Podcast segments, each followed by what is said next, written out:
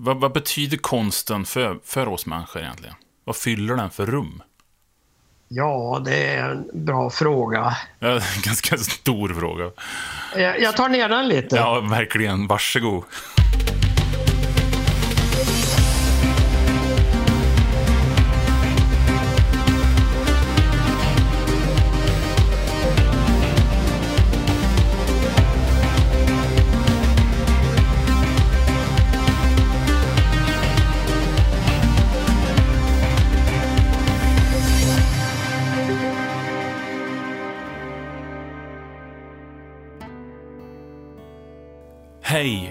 Och välkomna till Ismail Atarias podcast. Det är jag som är Ismail Ataria och jag är poet om du råkat glömt det. Äh, nah, jag får nog ge mig med det där. Det är speciella tider runt oss. Märkligt att vara människa. Ändå är det mina favorittider just nu. Maj månad. Det är som en vän man längtat efter under vinterns alla månader. Och det är spännande tider för mig just nu. Jag ska bli pappa snart. Därför har jag delat upp det här avsnittet i två delar. Och jag ska snart prata med Leif Stinnebom, regissör och teaterchef på Västanå teater i Sunne. Om du av någon anledning missat Västanå teater så kan jag säga att det är hög tid för dig att bekanta dig med dem nu. Västanås teaterstil är magisk och poetisk. Och varje sommar så fylls berättarladan i Sunne av tusentals människor som kommer för att se deras unika blandning av musik, teater, dans och sömnadskonst. Det är smått fantastiskt. Västanå är även djupt förankrad i folkkulturen och deras hantverk är gediget, levande och mäktigt. Vilket inte minst märks genom musiken. Den du hör nu. Magnus Stinnebom har skrivit det här, som du hör. Och stycket är från föreställningen En herrgårdssägen. I alla fall, ni är varmt välkomna hit.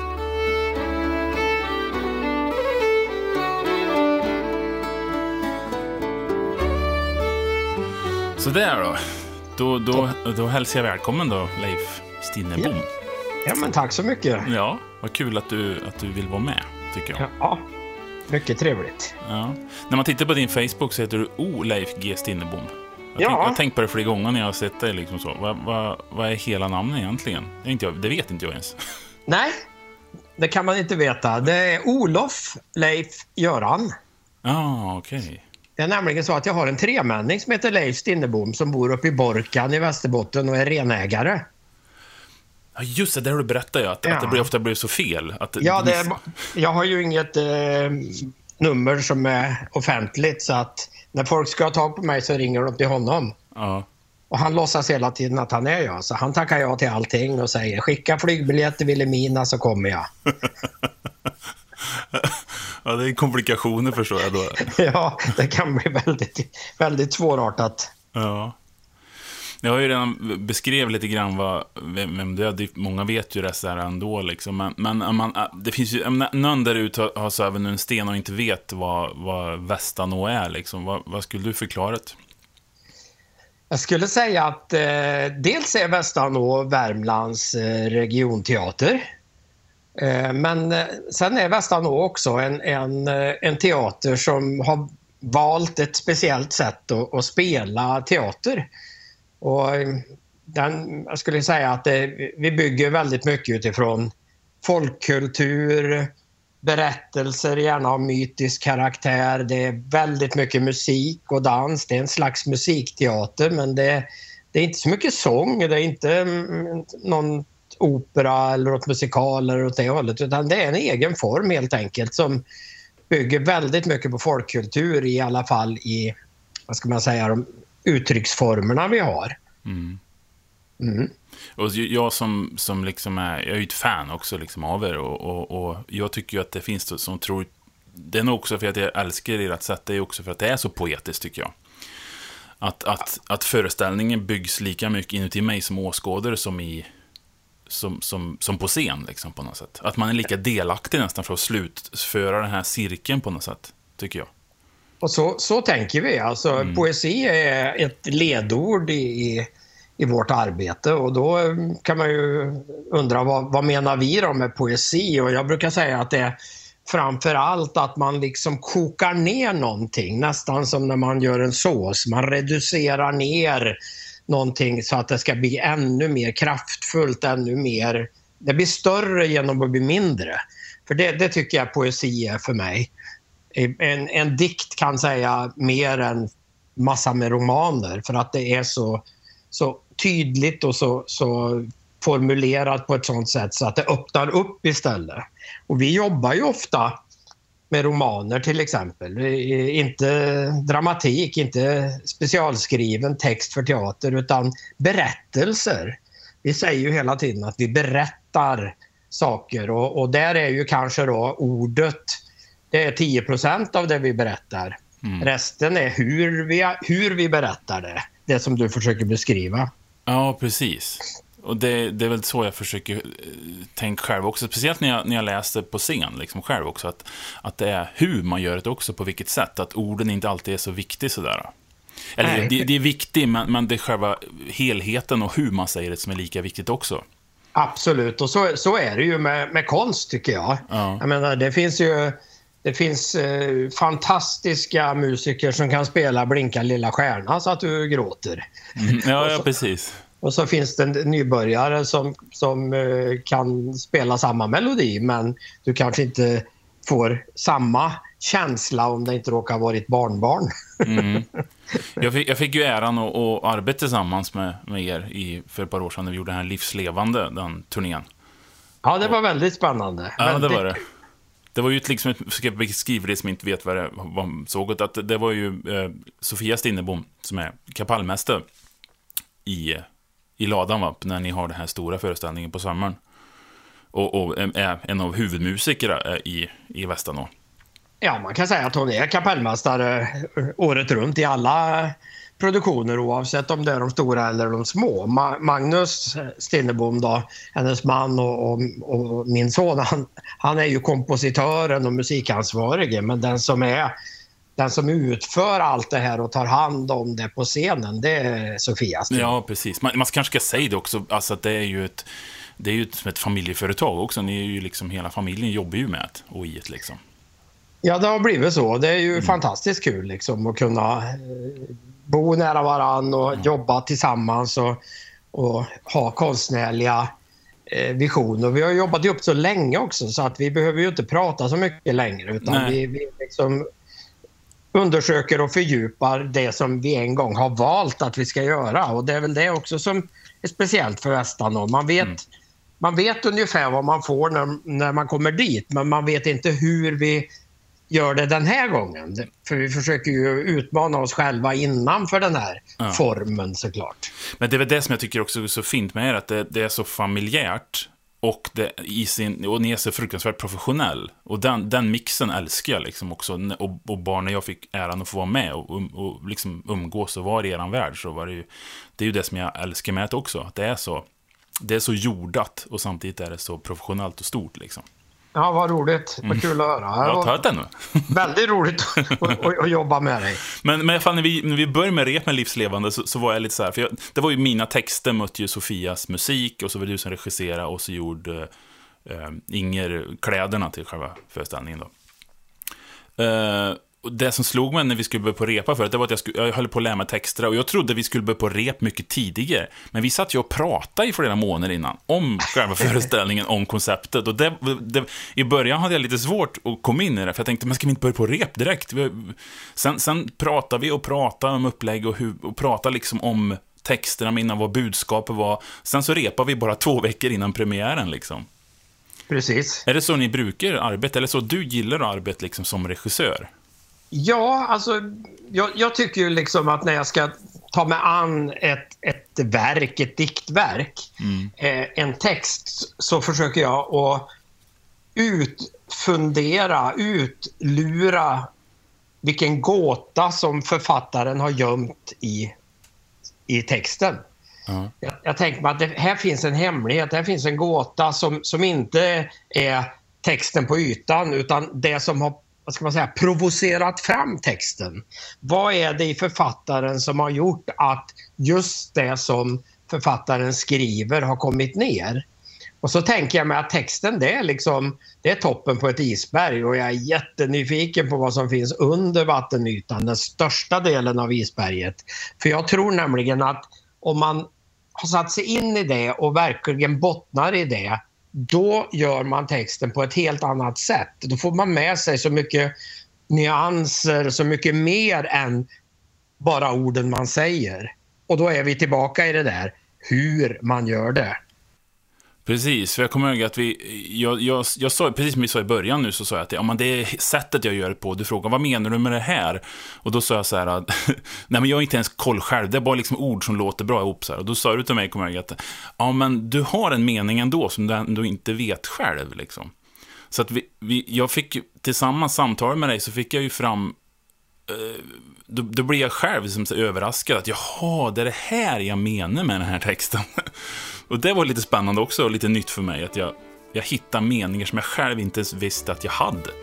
Nej, och så kan det ofta vara. Alltså, jag, jag tror till exempel Selma Lagerlöf som, som ju är vår husgud och som vi har gjort otroligt många texter av. Eh, jag har ju läst otroligt många doktorsavhandlingar om henne och hennes texter och olika berättelser och jag är ju helt övertygad om att om Selma skulle läsa allt vad, vad folk har, har, tänkt och forskat och, och, och, destillerat fram ur hennes texter så skulle hon bli jätteöverraskad och säga nej, så där tänkte jag inte alls. Och så kanske hon ibland skulle säga ja, ja, ja, men det var nog så det var. Det var nog det som var drivkraften egentligen. Och, och för så, så tror jag det kan vara. Alltså att vi, vi, vi är ju både medvetna och omedvetna människor. Och jag är, jag är minst lika intresserad av vad som finns i det omedvetna, eller kanske rättare sagt i det undermedvetna i människan. Vänta, jag måste bara, för nu, vi har en liten störning här. Det låter jättebra, men det kommer någon liten dutt, dutt ibland. Aha. Vänta, ska vi se. Det kan vara lika gärna mina grejer. Jag tror jag sitter i alla fall väldigt långt från mikrofonen, så att jag tror ja, inte att... Det är en liten sån här störning som kommer ibland. Okej. Okay. Men, Början, du pratar om regi, just det. Hur, hur ser du på, på skådespelare då? Vad är liksom... Vad, ja. Är det bara ett, ett, ett, redskap för dig, eller hur ser du liksom på det?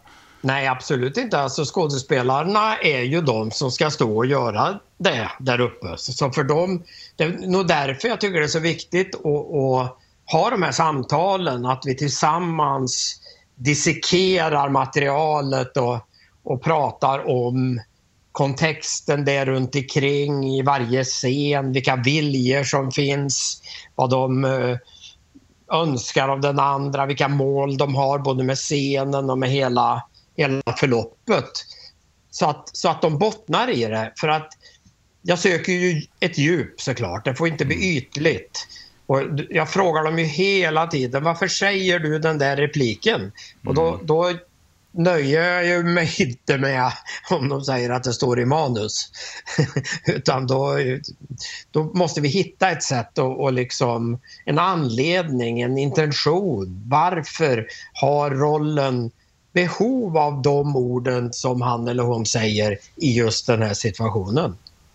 Ja, och vad är viljan liksom? Ja, precis. För det är ju det här med, med inte också det här med undertexten, liksom. Att man får fram det det budskapet som är själva det man gör stycket för. Liksom. Förstår du Absolut. Ja. Absolut. Och, och, um, undertexten är ju så tydlig alltid. Mm. Alltså, jag hör ju till och med när du ställer en fråga till mig nu och så har du fokus på att det inte tekniskt fungerar. Då hör ju jag i din röst att du är någon annanstans i din tanke. Ja, precis tanken är så jävla viktig. Den är egentligen viktigare än orden. Ja. ja men jag vet precis vad du menar. För jag, jag tänkte säga det. Jag vet ju själv när jag står på scen och jag känner att jag glider ur texten. Ja. Och jag känner att nu bara står jag och bladdrar ord. Och jag känner liksom nästan i rummet hur publiken faller ifrån också. Ja. Och sen så kommer jag, just det, jag kommer tillbaks, då kommer jag tillbaka till tanken till att just det är det här jag ska säga, det är det här jag berättar med den här texten. Och direkt jag bara tänker den tanken, säger jag tillbaks, och då känner jag näst, nästan fysiskt hur det klickar i. Ja. med Ja. publiken, man känner hur stämningen, ja här är vi, just det, nu är vi i stämningen ja, igen, nu är vi igen där. Man känner fysiskt hur det klickar i, det går inte att beskriva på något annat sätt nästan. Nej, men så är det ju liksom i verkliga livet också. Om du sitter och pratar med en kompis eller en, din partner och, och du eh, berättar någonting som är väldigt angeläget och så märker du att fan, de lyssnar inte. De, de hör ju inte på mig. Då, då, liksom, då måste du ju göra någonting för att återta den där eh, kommunikationen med den du pratar med. Och, och den, kan, den, den kan du göra med ord och säga, du lyssnar du på vad jag säger? Men du kan ju också göra det genom hur du säger andra saker som du berättar. Att du, du blir tydligare, du accentuerar och så hör man på rösten. Och då, då reagerar den andra, för det är ju en kommunikation, det är en dialog. Även med en publik i en teatersal. Det pågår en tyst dialog med publiken hela tiden. Mm. Och det, är- det är väldigt fint att se det så. Det är både som, som mig som, som poet och publiken och även i ett samtal två människor emellan så har man bägge två ett ansvar kanske då till stämningen. Och när man tänker så här att du lyssnar inte på vad jag säger så har jag lika mycket 50% i den dialogen också att personen har fallit ur kanske. För att jag har kommunicerat, visa kanske, inte varit närvarande i min kommunikation heller liksom. Absolut, och om du råkar ha en väldigt trött och avog och ointresserad publik så blir inte du bra heller. Och det, då är det lika mycket publikens ansvar, och, eller fel, att det blir så. Ja. Och jag brukar säga liksom att en teaterföreställning den pågår i, på två ställen samtidigt. Den pågår uppe på scenen och inne i åskådaren eller åhörarens huvud. Ja, precis. Och, och så gör jag ju ibland när jag ser film, till exempel. Så ser jag ju, jag ser en film och så, och så jag, jag lägger ju den filmen som ett filter över mitt eget liv. Så när jag gråter till en scen i en film till exempel, så gråter jag ju oftast för att den påminner mig någonting stort i mitt liv som jag upplevt. Och det kanske, kanske inte ens är det filmen handlar om, men jag, jag, genom, jag använder det som filter till mina egna känslor på något sätt. Precis, och det, det, så funkar till exempel dansbandsmusik. Det, det är ju många som tycker att dansbandsmusiken är eh, naiv och eh, inte har några som helst eh, kvaliteter, åtminstone inte textmässigt. Men jag tror det är helt fel. Jag tror att, att de där enkla texterna, de där texterna eh, som är ganska vardagliga, som handlar om sånt som vi alla går omkring i, om, om man lyssnar på rätt sätt så kommer det att väcka tankar och känslor i dig som gör att du lägger till och i det mötet så lyfter ju texten och blir livsviktig för den personen. Jag tror att konstens uppgift är att ställa svar på frågor som vi inte ens vet att vi har. Konsten vet liksom vad vi behöver veta långt innan vi själva visste det. Kanske låter jag kryptisk, en smula högtravande till och med. Vet du vad? Det skiter jag i. Precis som konsten skiter i vad du tycker. Den böjer inte sitt huvud för någon. Ändå sänker den sig gång på gång för att viska till oss. Viska sagor, sägner.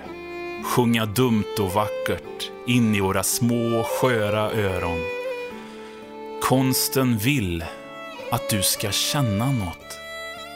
För konsten är både ovädret och den ytterrock som värmer. Dess uppgift är att både locka och riva i oss. Få oss att tänka, känna och ibland kanske färdas långt bort. En kan säga att konsten är ett lagligt knark. Något som förtrollar vardagen, genomborrar oss med sin mast och sätter segel. Får oss att glida djupt in i oss själva. Och om vi vågar hänge oss så kan vi känna hur det vibrerar och skakar där inne av något som är större än oss själva. Det är omvälvande och skitlitet på samma gång. För konsten går inte i koppel. Ändå vandrar den trofast vid vår sida. Det är en fjäril i vinden. Ett fladdrande hörn av själva mänskligheten. Den tar oss över myrmarker, skogar och betong. Den kan vara kossan på ängen som tuggar sitt gräs. Den kan vara tavlan på museet. Konsten kan vara pastan på din tallrik eller vinet i ditt glas. Den kan vara romanen ingen läser. Eller epatraktorn utanför pizzerian i Sunne. Konsten är Västanå. Och konsten är du. Den är jag. Den är texten du lyssnar på just nu. Den vill att du ställer dig upp och med ett öppet sinne håller din hand i vinden, känner hur livet blåser genom riset. Att du existerar. Konsten säger att du finns. Att blodet rusar i kroppen. Konst är liv.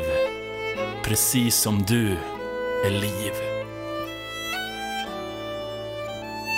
Och konsten har funnits i många århundraden och den har hunnit uträtta en hel del.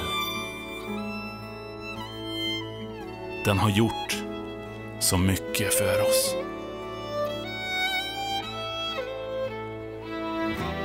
Konsten lärde Hendrix hans första ackord och färgade Bowies hår. Den blev lugnet i Kristina och satte synten i kraftverk. Konsten placerade Duendi i Lorca och gav en Laterna Magica till Bergman. Den överlevde djungeln med Francis Ford Coppola och slog blixten genom AC/DC. Doppade pennan i Edith Södergrans bläck. Den gjorde en deal med Gud åt Kate Bush och lärde Gloria Gaynor att överleva. Konsten gav rösten till Nina Simone och skrev Frankenstein till Shelley. Den besökte Hill House med Shirley och Usher med Poe. Den målade stjärna till van Gogh och blev ett gitarriff i en Blue Oyster Cult-låt. Konsten tog sig hela vägen fram till dig. Den gjorde exakt vad den skulle. Den slank in i dig och satte gåshud på din arm.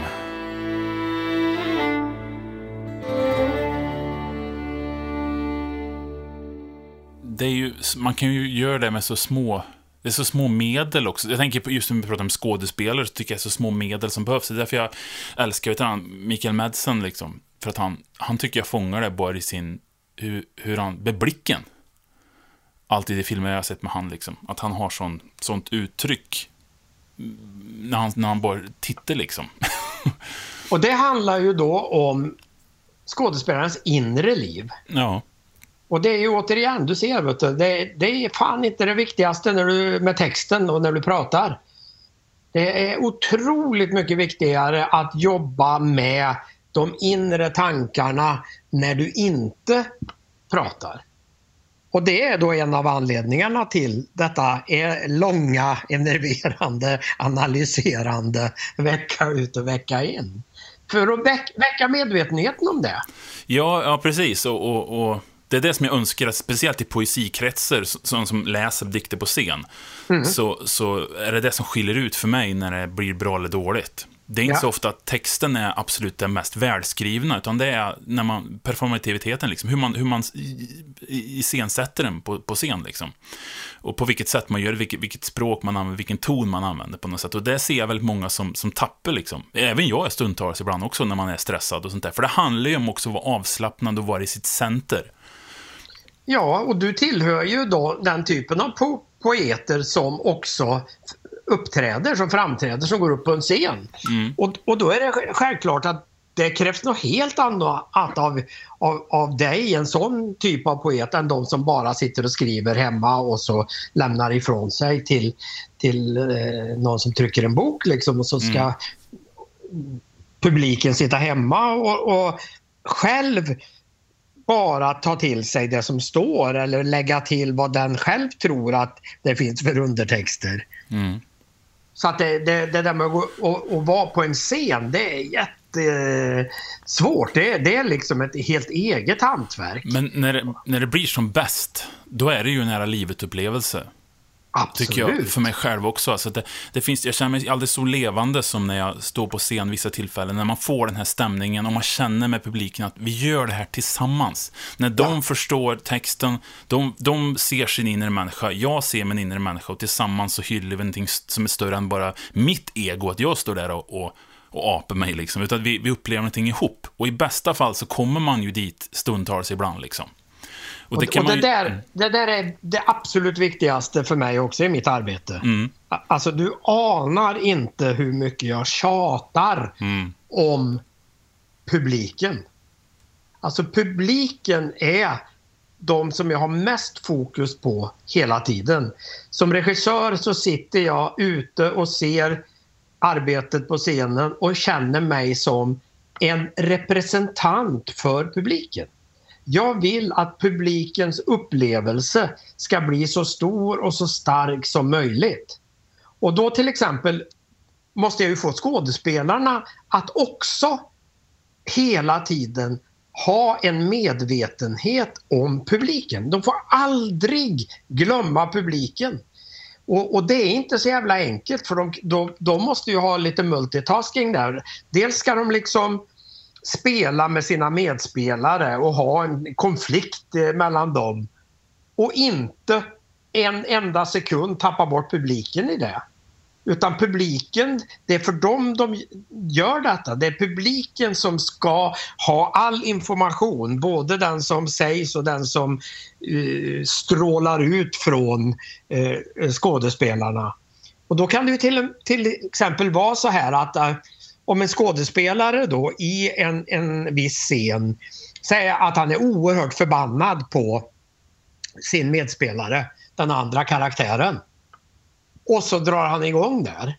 Då kan det många gånger vara så att jag får stoppa och så säger jag eh, okej, okay, nu har du berättat för mig som publik i tre minuter att du är arg.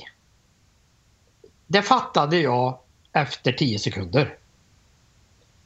Vad är det som gör att du bara vill fortsätta och berätta att du är arg? Att du inte vill lägga till något annat, att du inte har några nyanser eller motsatta saker som du samtidigt vill berätta för publiken. För att jag känner lite här ute nu att, att du tror att jag är dum. Du tror att jag inte har fattat att du är arg eftersom du fortsätter att bara berätta att du är arg.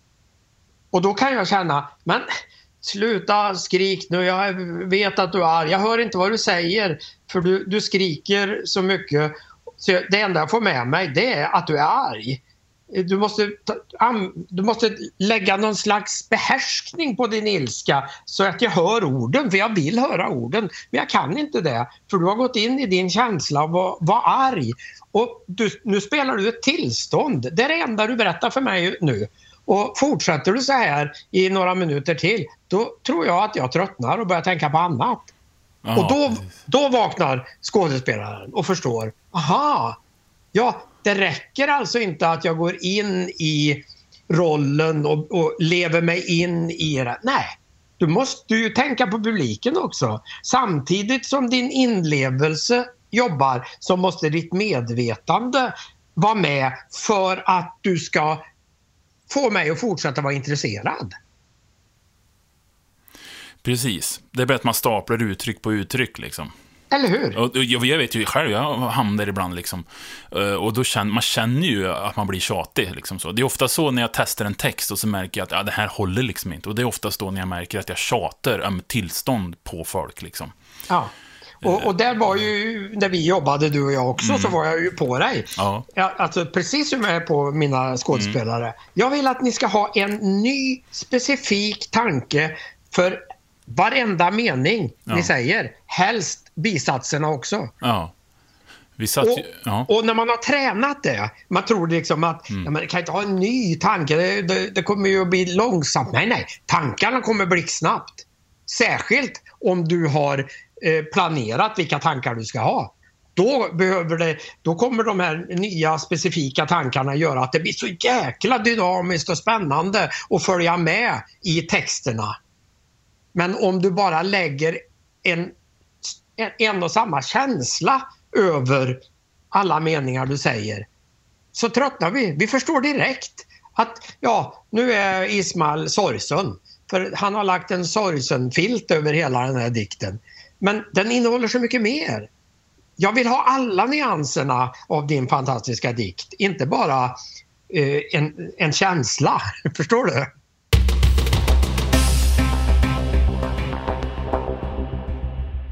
Jag, jag kommer ju från en slags folklig eh, tradition och är oerhört förtjust i gam, särskilt de gamla folkliga uttrycken som, som ju många gånger inte var nerskrivna. De var ju muntliga. Det var en muntlig levande tradition. Både i musik, i tal, i berättande, och dans och allting. Men än en enormt hög kvalitet i det här. Alltså som, som nästan är en konst. Men jag tycker att konstbegreppet idag, den, den har blivit så ett borgerligt konstbegrepp och det har blivit så otroligt urbant och intellektuellt som, som om det är det enda som, som gäller. Och jag menar att det finns, det finns konst på många andra ställen än, än i de sammanhangen. Ja, precis. Och jag avskyr när jag själv blir trängd i, in i ett finkulturellt hörn. Eller någon säger så nej, det, det där med poesi, det förstår jag inte. Så här, eller, eller det, det, det, är liksom för svårt för mig. Och för mig, så, för mig finns det ingen skillnad mellan liksom kalanka och, och poesi. Det liksom är olika uttryck, på, eller dansband och, och eh, en fin aria. Liksom. Det, är liksom, det, sitter, det, är samma, det, det är olika uttryck av själen på något sätt. Absolut. Och, och jag satt en gång i eh, debatt Eh, på Kulturrådet. Vi, eh, det diskuterades dans där och eh, då, där gör man ju jättestor skillnad på konstdans eller scenisk dans och annan dans. Och, och, och det är såklart att man tycker att den sceniska konstdansen är, är mycket finare än den andra. Det skulle de kanske inte erkänna idag, men så är det i alla fall. Och då, då satt det en, en person där som Eh, sitter i Svenska Akademien nu och som på, påstod så här högt och tydligt inför oss alla. Det är ju så att den riktigt stora konsten har alltid förståtts av ett fåtal. Och du vet, jag blev, ju, jag blev ju tokig. Alltså det var ju som att trycka på en, en raseriknapp. Jag fick allergi över hela kroppen så jag kunde ju inte hålla käften. Utan jag sa, för, tänk, för mig är det precis tvärtom. Den riktigt stora konsten, den uppstår när någon i ett visst läge i, i världen, i tiden, lyckas formulera någonting som de flesta människorna tar till sig och känner, det här är sant. Som till exempel när Tage Danielsson gjorde sin sannolikhetsdikt inför kärnkraftsomröstningen. Det upplever jag som riktigt stor konst. Och, och, och, det var ju ingen som höll med mig. Alla andra satt ju bara och nickade där och tyckte att så är det. Den riktigt stora konsten förstås bara av ett fåtal. Så har jag väldigt få eh, läsare eller åskådare eller i vilken genre jag nu jobbar, då håller jag nog på med riktigt stor konst. Och så kan man liksom lugnt eh, sjunka ner i stolen och tänka att jag är en stor konstnär. För, för det, är, det är så få som har, har förstått hur stor jag är. Ja, och det blir så uppblåst på något sätt, den, den grejen sådär. Och, ja. och jag tycker ibland, när jag är i vissa sammanhang ibland så, så, så kan det komma fram människor till mig efter sådär och så ska de försöka vara kulturell på något sätt med mig. Ja. Eller, hur deras idé är med att vara kulturell, de ska försöka liksom vara djup på ett sätt sådär. Och så märker de liksom att För när jag går av, jag, jag, jag, när jag går av från scen efter att ha gjort ett uppträdande så är jag lite grann som en hockeyspelare som kommer in efter en match liksom. Ja. Och det gick bra, vi ger det 110 procent idag. Alltså jag är så här, jag, är inte så mycket i, i känslomässig så här. Och då märker man nästan hur det blir besviken på att jag inte ja. är den här finkulturella personen. Ja, ja. Han var ju som vem som helst. Ja, precis. Det var som när Inger, eh, min fru Inger Stinnerbom, ställde ut sina teaterkostymer i, eh, i Borås på Textilmuseet där. Och sen eh, när hon kom och skulle hämta kostymerna så gick hon in där och så gick hon fram till, till receptionen och där satt en tjej som hon inte hade träffat tidigare. Och så sa hon väl där att jag, jag är Inger Stinnerbom, jag ska hämta mina kostymer. Och då säger den där tjejen, Inger Stinnerbom? Är det du? Du ser så vanlig ut. Sa hon det? Ja. Vad sa hon då? då? Hon garvade väl ja. såklart. Men liksom, det, det är så. Jag, Inger gör ju väldigt speciella kostymer och sådär. Så att hon förväntar sig något helt annat som skulle kliva in där och hämta kostymerna än den vanliga Inger Stinnerbom från, från Sunne. Ja, precis. Och det var ju som jag sa förut, att jag tycker att det är det som är det fina också med er, eller med alla som jag känner som, som håller på professionellt, men ändå att det är, det är, det är ett kneg. Ja. I slutändan. Fast man gör saker, istället för att tillverka ett bord eller lägger rör som den har användning av, så gör jag någonting som folk har användning för i själen. För att, för att liksom fylla upp sig, för att få en upplevelse, för att må bra, för att, för att få en känsla liksom. Absolut. Och just det där med, med att det är ett hantverk, det är så otroligt viktigt för mig också. Att det är någonting som man blir aldrig fullärd. Man, man måste bara fortsätta förkovra sig, jobba mer, läsa mer, studera mer. För man kan aldrig bli fullärd. Så är det. Som sagt, i det här avsnittet har du hört musik av Magnus Stinnebom. Musiken är från Västanås uppsättning En herrgårdsägen som är skriven av Selma Lagerlöf. Du kan hitta musiken på bland annat Spotify. Skicka gärna ett mail till mig via min hemsida ismalataria.se. Det vore kul att höra vad ni tycker. Allt är välkommet, kritik såväl som lovord, även om lovord såklart är roligast att få. Det ska jag inte sticka under stolen med. På min hemsida kan ni även hitta länkar där ni kan köpa mina böcker eller lyssna på mina dikter. I alla fall, stort tack för att du lyssnar. Det betyder mycket för mig.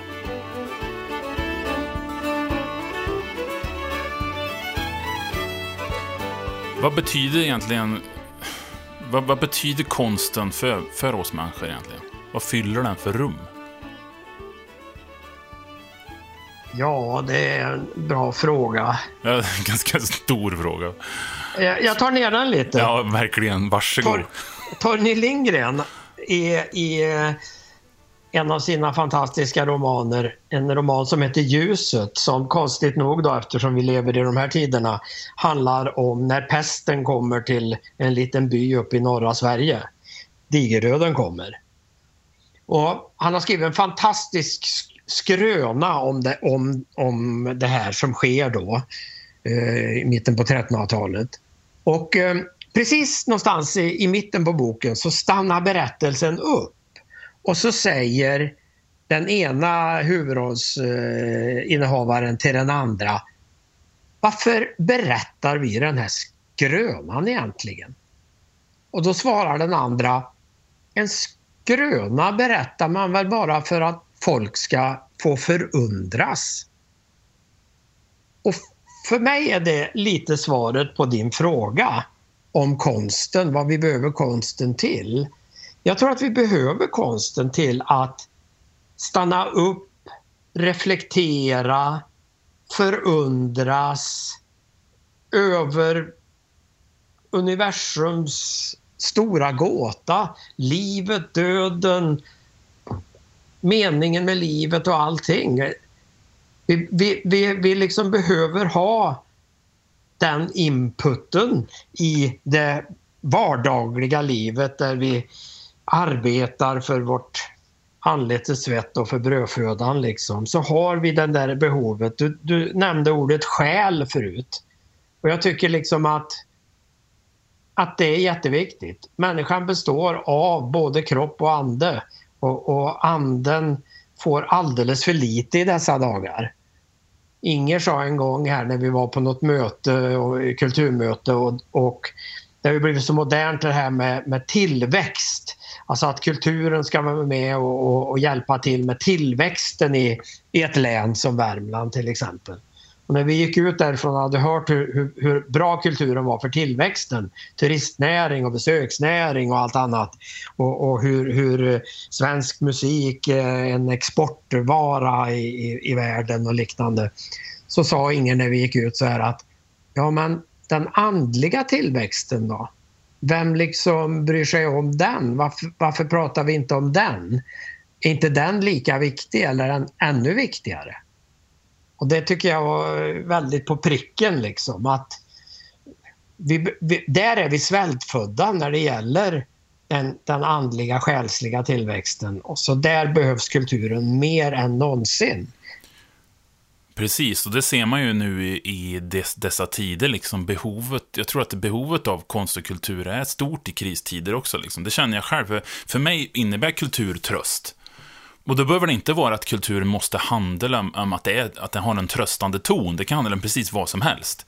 Men det har en tröstande egenskap för mig. Absolut, absolut. Eh, men det handlar ju om att du får, som Shakespeare säger, att man får spegla sig i någonting.